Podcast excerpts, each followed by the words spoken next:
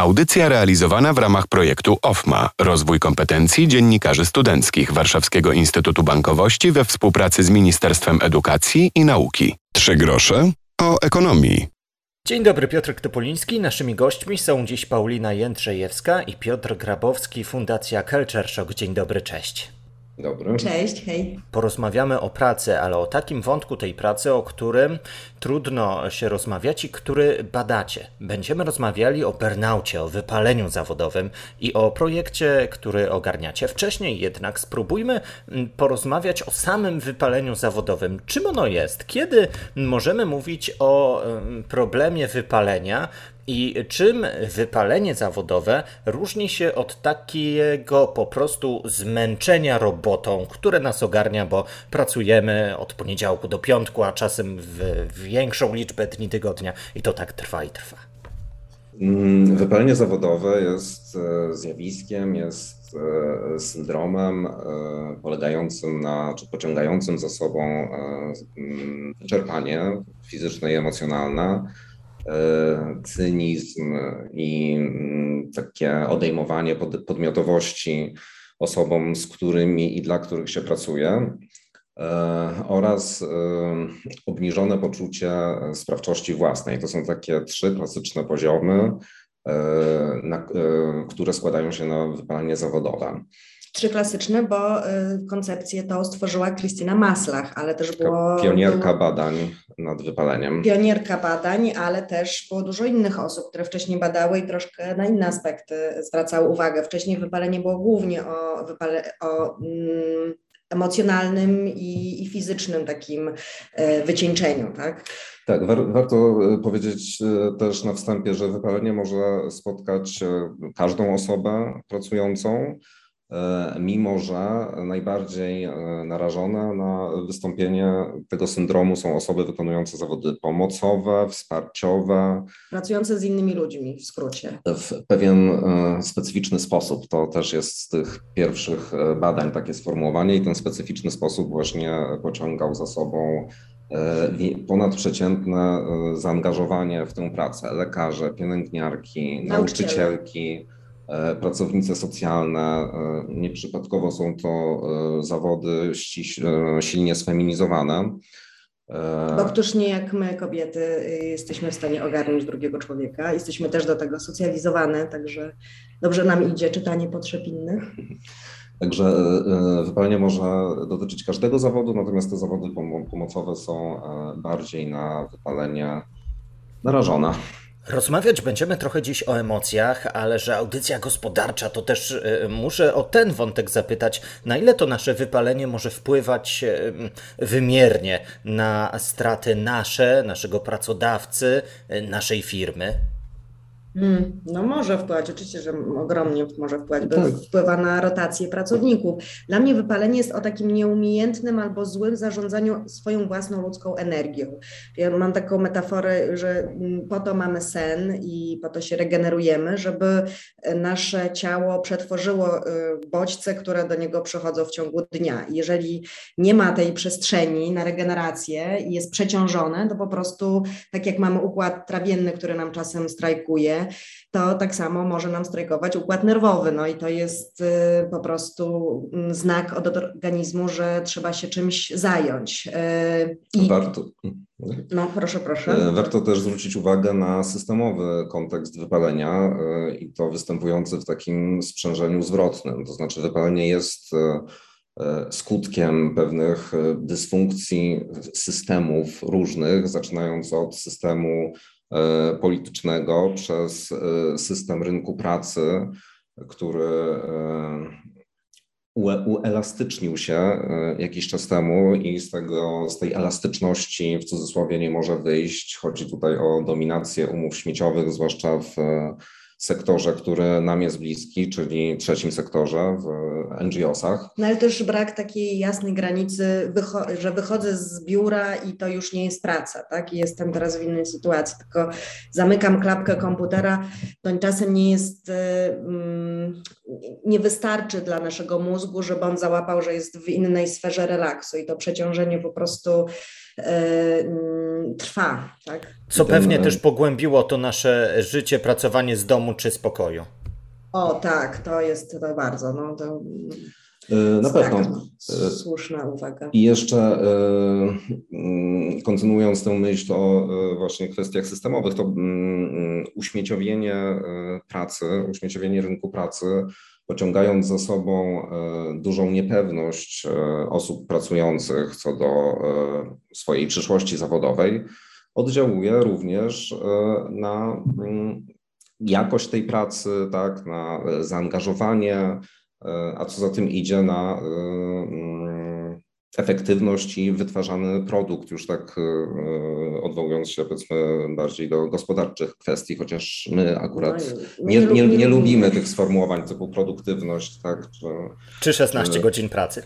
Czy 16 godzin pracy, tak. To są jakieś w ogóle absurdalne, takie no, no, neoliberalne popłuczyny i mamy nadzieję, że, że będą one Mm, skancelowane. Za chwilę zajrzymy do tematu NGO-sów, bo tym się zajmujecie i wypalenie zawodowe to jest nasz dzisiejszy główny temat. Pozostańcie z nami. W audycji rozmawiamy dzisiaj o wypaleniu zawodowym. Jest z nami Fundacja Culture Shock w postaci wspaniałych Pauliny Jędrzejewskiej i Piotra Grabowskiego, którzy w tej fundacji zasiadają i razem z innymi badają zjawisko burnoutu, czyli wypalenia zawodowego. Przed chwilą próbowaliśmy sobie scharakteryzować, czym sam samo wypalenie jest, w którym momencie powinna nam się zapalić czerwona lampka, że mm, w naszej pracy czujemy się nie do końca dobrze i e, co powinniśmy w tej sytuacji zrobić, z kim porozmawiać najpierw? No Piotrze, nikt ci tego nie powie tak dobrze, jak ty sam sobie, w którym momencie ta lampka ci się zapala. To jakby za to jesteś dużym chłopcem, wszyscy jesteśmy tutaj, mam nadzieję, że słuchacze, mówimy oczywiście do słuchaczy pełnoletnich, to niestety Nie tylko, ale też stawiających pewne pierwsze kroki. Mhm. Tak, oczywiście. Jeżeli stawiasz kroki, to tym bardziej bądź czujny, czujna, bo to jest, y, nikt tego oprócz ciebie tak nie poczuje, kiedy twoje granice już są przekraczane i coś takiego się dzieje niepokojącego. Tak? To... Ale to też nie jest e, wyłącznie indywidualna odpowiedzialność osoby pracującej. Tak. E, tak jak mówi To jest nasza, druga część wypowiedzi mojej też. Nasza tak. koleżanka Natalia Sarata, nie wypalamy się sami ani same. Zwykle e, jest, znaczy zwykle, no, no, jesteśmy w jakimś środowisku e, zawodowym, gdzie są inne osoby, koledzy, koleżanki, gdzie mamy szefostwo, gdzie mamy jakąś strukturę. Mm, niestety wypalenie poszczególnych osób przekłada się dosyć łatwo i szybko na wypalenie kolejnych, a co za tym idzie, całej organizacji. Możemy już mówić o wypalonych, to jest tak, bardzo, tak. O, o wypalonych organizacjach. Takie jednostki my też diagnozujemy i e, staramy się e, pomagać. E, pytałeś, kiedy można zauważyć, że coś się dzieje, tak, co może mieć skutki wypaleniowe. Mm, wypalenie jest procesem, to też warto mieć na względzie. Wypalenie nie zaczyna się jednego dnia. Swoje I one się różnymi rzeczami charakteryzują, tak. te fazy. Jednego dnia jesteś super zmotywowany do pracy a drugiego nie. Mm, tak, i y, trudno zatem wyznaczyć taki, nie wiem, początek i koniec, tak? Znaczy, no siłą rzeczy wypalenie wymaga jakiegoś czasu, no tr trudno mówić o, o wypaleniu e, w przypadku, gdy ktoś po prostu jest zmęczony, mm, nie wiem, jednego dnia czy drugiego, bo, bo, bo, pracował więcej, natomiast pójdzie spać, czy pójdzie pobiegać, odpocznie i e, będzie w dobrej formie.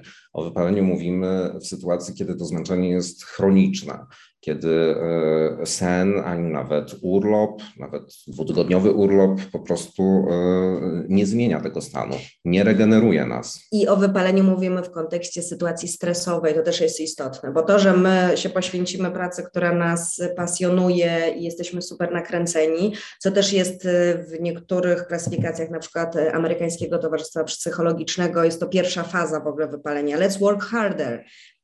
I to jest y, mm, bardzo charakterystyczne dla osób, które dopiero rozpoczynają swoją karierę zawodową, bo chcą się wykazać, wszystko jasne, tak? Ale przez to, że, że mamy tą sytuację let's work harder i się bardziej staramy, jesteśmy bardziej zmotywowani do pracy, to później nieprzystawanie do rzeczy, jakby rzeczywistości, do tego naszego idealistycznego układu, coś tam zaczyna zgrzytać. My tutaj się staramy, y, może coś na przykład też dajemy za bardzo z siebie, może też coś chcemy tym uzyskać, ale nie mówimy tego I wprost. dosyć szybko zaczyna zgrzytać Tak. i to właśnie są przy takim początkowym dużym zaangażowaniu i to właśnie mogą być też e, te pierwsze sygnały, że zaczyna zgrzytać, ale my pracujemy jeszcze więcej. Tak, E. jeszcze skalam się, bo jednak to, to jest tak, jeżeli będę jeszcze bardziej cisnąć, to na pewno już wtedy mi się uda. Jesteśmy coraz bardziej e, zmęczeni, aż, e, aż dochodzimy do, e, do ściany i to jest taka faza e, brownout Mhm. właśnie w tym, w tym zestawieniu faz wypalenia, kiedy już jesteśmy zmęczeni, kiedy jesteśmy zniechęceni, kiedy tej pracy mamy dosyć, no a później już jest taka faza pełno, e, m, pełni, w pełni rozwiniętego wypalenia zawodowego, e, które definiowaliśmy na początku. Natomiast ostatnią fazą, zgodnie właśnie znowu z tą klasyfikacją, jest e, faza Feniksa odradzającego się, a więc e, jest nadzieja, nie zapominajmy o tym, mm, że ten proces wypaleniowy można jakoś próbować ogarnąć, choć nie jest to proste. I No i spróbujemy, niestety- spróbujemy za chwilę te e- etapy powstawania z popiołów e, ogarnąć. Wcześniej jednak e, zapytam o Wasze badania, bo one skupiły się na organizacjach pozarządowych w Polsce, Chorwacji i Słowenii. I e, zastanawia mnie, e, co badaliście konkretnie i jak pomóc osobom, które na co dzień pomagają i e, pomagając innym trochę się wypalają, jak kilka minut temu powiedzieliście. Znaczy to ja mogę tutaj zacząć, e, że mm, badaliśmy to, w jaki sposób organizacje pozarządowe w tych trzech krajach funkcjonują, czy w ogóle znają temat wypalenia, czy nie, nie trzeba było być wypalonym, e, czy mieć takie doświadczenie, żeby wziąć udział w badaniu, bo interesowały nas e, organizacje pracujące ze specyficzną grupą odbiorców, czy to są kobiety doświadczające przemocy, czy migranci, migrantki, czy seniorzy, osoby z niepełnosprawnościami, czy osoby LGBTQ+. To były te, te pięć grup, które zde, zdecydowaliśmy na podstawie naszego też doświadczenia i, i już pracy w sektorze wieloletniej, że, że to są te, te osoby, które najbardziej, najprędzej mogą się wypalić i najbardziej powinny się o siebie troszczyć. To nas interesowało nas, czy się troszczą, w jaki sposób, jak myślą o tym, tak? Czy, to, czy myślą o tym, że to jest kwestia organizacyjna i ktoś jest sam odpowiedzialny za swoje wypalenie, czy tu to, co mówił Piotr, czy to jest jednak kwestia systemowa i, i, i kon, kontekstu, tak, jakby szerszego. społeczno-politycznego, zwłaszcza, Tak. że badania prowadziliśmy w Polsce, Chorwacji i Słowenii razem z naszymi organizacjami partnerskimi właśnie z tych krajów. Warto zwrócić, że, warto zwrócić uwagę, że y, te trzy kraje są na różnym etapie borykania się z populistycznymi rządami prawicowymi, czyli to jest ten kontekst systemowy, który e, zdecydowanie nie wspiera organizacji e, pozarządowych, jako że e, tego typu mm, rządy, tak, takie, takie władze, jakie choćby mm, my mamy teraz w Polsce, mm, nie rozumieją istoty działania sektora pozarządowego, czyli niezależnego od władz, kreującego czy wzmacniającego społeczeństwo obywatelskie. Mm, Pluralizm, tolerancję, tak, jakby to są takie rzeczy niebezpieczne, bo jakby nie pasują do pewnego rodzaju jakiegoś konstruktu rzeczywistości, który, który jest lansowany jako ten ogólnodostępny. I to jest, no to jest bardzo wypalający kontekst. To byliśmy aż bardzo, jakby nie, nie widzieliśmy, bo wcześniej tak naprawdę o wypaleniu się mówiło właśnie, że to jest sprawa jednostki, to, że w ogóle to się zrobiło sprawą organizacji, to już jest takie kolejne wow. że to dotyczyło ciebie, tak? Tak. Płoniesz, to się wypalisz, tak? Natomiast no, tych kontekstów właśnie na podstawie naszego badania e, wyszło e, dużo więcej i też właśnie w sytuacji, kiedy e, państwo gdzieś nie współpracuje, e, że tak powiem, to organizacje pozarządowe biorą na siebie jeszcze więcej, co widać w tej chwili w, Polsce choćby. To są, e, to są właśnie działania na pierwszej linii frontu, tak, no niemalże już e, zupełnie bezpośrednio, tak, jeżeli chodzi o osoby aktywistyczne działające w tej chwili na, na granicy, tak, czy próbujące działać, czy organizacje i osoby które bronią praw kobiet, tak, czy walczą o prawa osób LGBT, tak, tym państwo się nie tylko nie zajmuje, tak, ale w ogóle prowadzi bardzo taką natężoną, mm, zintensyfikowaną akcję jakby przeciwko tym osobom, czy przeciwko tym prawom, tak, i tutaj właśnie organizacje społeczne, pozarządowe E, działają na, tak, na takiej zupełnie e, podstawowej jakby płaszczyźnie e, ochrony czy walki o prawa człowieka. Więc jakby to zaangażowanie emocjonalne osób aktywistycznych jest no, naprawdę trudne do ogarnięcia. Rozmawialiśmy przed chwilą o różnych kontekstach problemów. Było o systemowym podejściu, o takim mm, osobowym. Gdy mam do czynienia z organizacjami pozarządowymi, to często słyszę o mm, pewnych też takich problemach jak e, etaty, a właściwie ich brak, albo finansowanie i takie życie od grantu do grantu. Jak się uda, to robimy projekt. I taka projektoza chyba toczy e, trzeci sektor, co też nie ułatwia, e, nie, nie pozwala ciągle, w sposób ciągły prowadzić tej działalności. Tak, no bardzo pięknie to e, tutaj podsumowałeś, nasze problemy sektorowe. I, I tak, e, bo ja jeszcze chciałam nawiązać do, do tego kontekstu prze, przekraczania e, siebie i też uczenia tego i tej decyzji, czym jest system, w którym funkcjonujemy i tego, na ile też jest to nasza odpowiedzialność a na ile, tak, na ile jedziemy na grilla, na ile jedziemy głosować e, na wybory. Tak? To jest e, jakaś, e, wiesz, ja mam mm, znajomych, którzy wysyłają dzieci do, do szkół prywatnych, ponieważ nie wierzą w szkoły państwowe. Pracuję z młodzieżą, która w szkole jest uczona tego, żeby przekraczać swoje granice, siedzieć mimo tego, że coś się nudzi, uśmiechać, jest uczona hipokryzji, później tak naprawdę idzie na rynek pracy z nie do końca wie, co jej odpowiada, co, chcieli, co chciałaby robić. Chodzi w dorosłość e, w ogóle bez tak. E, niekiedy podstawowych umiejętności e, takich życiowych, tak, czy przygotowujących do wejścia właśnie do, do tej sfery kształcenia się wyższego, tak, czy zawodowej. To już jest kwestia oczywiście no, reform e, oświaty, które e, w Polsce jakby dotyczą może zupełnie innych wymiarów, że tak powiem. Natomiast jeżeli chodzi o podstawową wiedzę psychologiczną, tak, czy filozoficzną. Regulowanie swoich emocji, tak, w jaki sposób działa twój układ nerwowy. Wiesz, jakby takie rzeczy nie, nie rozmawia się o tym w szkole. Tak, jakieś takie by, bycie wspólnotowe, tak, tak, bycie razem, szacunek, tolerancja, to, to, to, to nie jest Widzenie coś, drugiego człowieka nie jakby tylko na TikToku, tak, ale też z jego balon bolączkami czy, czy z trudnościami, z trudniejszymi emocjami radzenie sobie. No. I, I, później e, ludzie, którzy e, nie są przygotowani do takiego e, wejścia w dorosłość, mm, która obejmuje jakby współistnienie z innymi ludźmi, którzy są od nas różni, dalej pracę też w jakichś zespołach, tak, które, które niekiedy, te sytuacje niekiedy są bardzo wymagające to wszystko jeszcze na tle no, takiej bardzo niekorzystnej sytuacji politycznej w Polsce powoduje, że y, my, Polacy, jesteśmy mm, wypalonym społeczeństwem problem wypalenia e, e, wykracza poza kwestie stricte e, zawodowe. Ja jestem przekonana, że jest bardzo dużo osób w szkole, które są wypalone.